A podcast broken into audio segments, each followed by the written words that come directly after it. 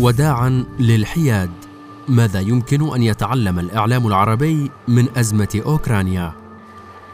نشر الصحفي البريطاني جيرمي باوين محرر شؤون الشرق الأوسط في بي بي سي تغريدة على صفحته في تويتر.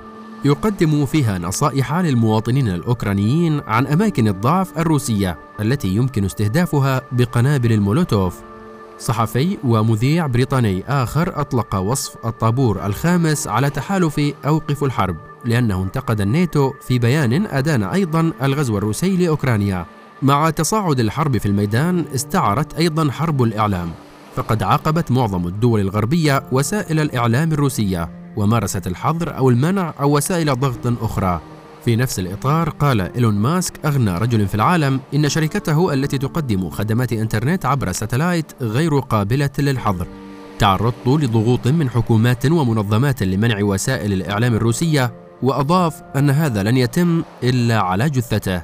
وبين الحظر والمنع والضغط شهدت الشاشات التلفزيونية الغربية حالات متعددة من البكاء على الهواء وهو أمر غير معهود في هذه القنوات. وظهرت فلتات اللسان التي تعبر عن العنصرية والغضب وانعدام المهنية والموضوعية. من الجيد أن نشير هنا إلى أن هذا الأمر ليس جديدا. في الحرب العالمية الثانية كتب رئيس بي بي سي فريدريك أوغيلفاي أنه يريد تحويل الإذاعة إلى أداة فعالة في الحرب. وقد أنهيت خدمات الصحفيين الذين رفضوا بوعي ممارسة هذه السياسة.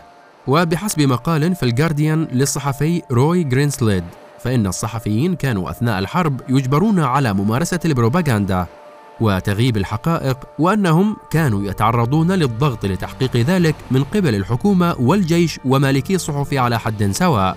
يقدم هذا النموذج للتعاطي الإعلامي الغربي مع الغزو الروسي المدان لأوكرانيا وتاريخ الإعلام الغربي في الحروب عدة دلالات.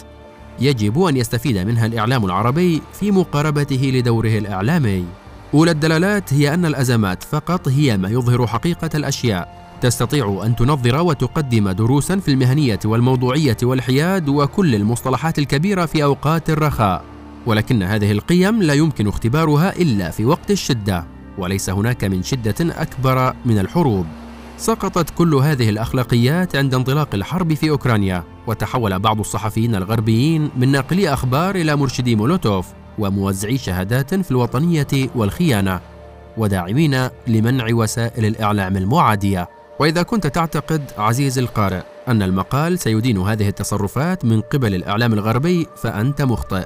بل إن الطبيعي هو ما يحدث الآن في الإعلام الغربي وما يحدث أيضا على صعيد المقاطعة الاقتصادية من الشركات الكبرى لروسيا.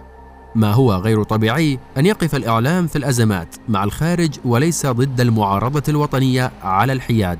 ولذلك فإن الصحفي العربي الذي تعيش بلاده حالة من الحرب بكافة أنواعها منذ تأسيس دولة ما بعد الاستقلال لا يفترض به أن يصدق هراء الحياد الغربي ويجب أن يدرك أن عمله هو جزء من كفاح بلاده لتحقيق أمنها القومي. ثاني الدلالات هي أن العالم الذي خلقه تأسيس الدولة الحديثة جعل الأمن القومي لأي دولة مرتبطا بمحيطه الجغرافي. هذا بالضبط ما يجعل الانتفاضة الغربية سياسيا وشعبيا واقتصاديا ضد روسيا أمرا طبيعيا.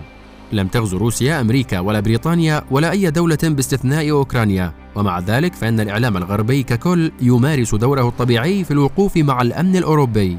لأن نجاح موسكو بتحقيق هدفها بالسيطرة على أوكرانيا سيسقط نظرية الأمن الأوروبي. وسيجعل أي دولة أوروبية خصوصا إذا كانت غير عضو بالناتو عرضة لغزو روسي جديد. إن أداء الإعلام الغربي في الأزمة لا ينطلق من أسباب إنسانية وأخلاقية كما يروج صحفيون غربيون. مع أهمية هذا الجانب ومع التعاطف الكامل المستحق للضحايا الأوكرانيين سواء ممن يتعرضون لانتهاكات الجيش الروسي أو أولئك الذين كانوا يعانون من انتهاكات أوكرانيا في إقليم دونباس ولم يتحدث عنهم الإعلام الغربي. ما يحرك الاداء الاعلامي الغربي هو أن الأمن القومي للدول الغربية مستهدف بشكل مباشر من قبل روسيا بهذه الحرب.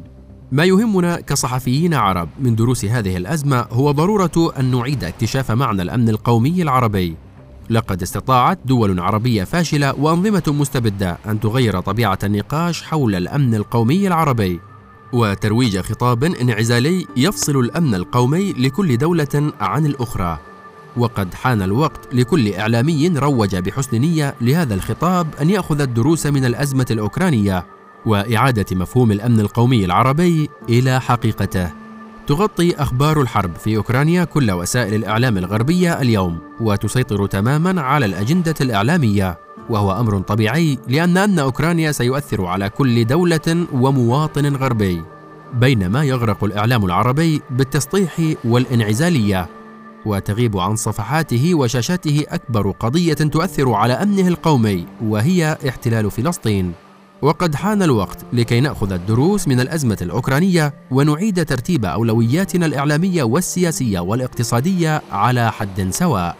ويجب التأكيد هنا على أننا لا ندعو للبروباغندا الفارغة أو نشر الأكاذيب أو تغييب الحقائق.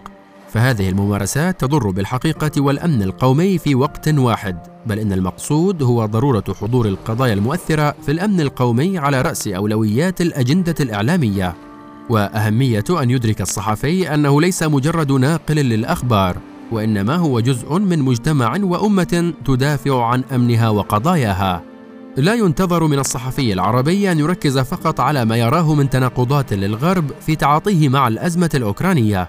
ولكن ما يهم أكثر هو أن يأخذ الدروس من التحولات التي تخلقها الأزمات على الأداء الإعلامي وأن يدرك أن بلاده كجزء من منظومة الأمن العربي تعيش أزمة دائمة وأنها تستحق في ظل هذه الأزمة أن يرتقي بأدائه الإعلامي إلى مستوى حربه المستمرة مع الاستعمار والفقر والاستبداد.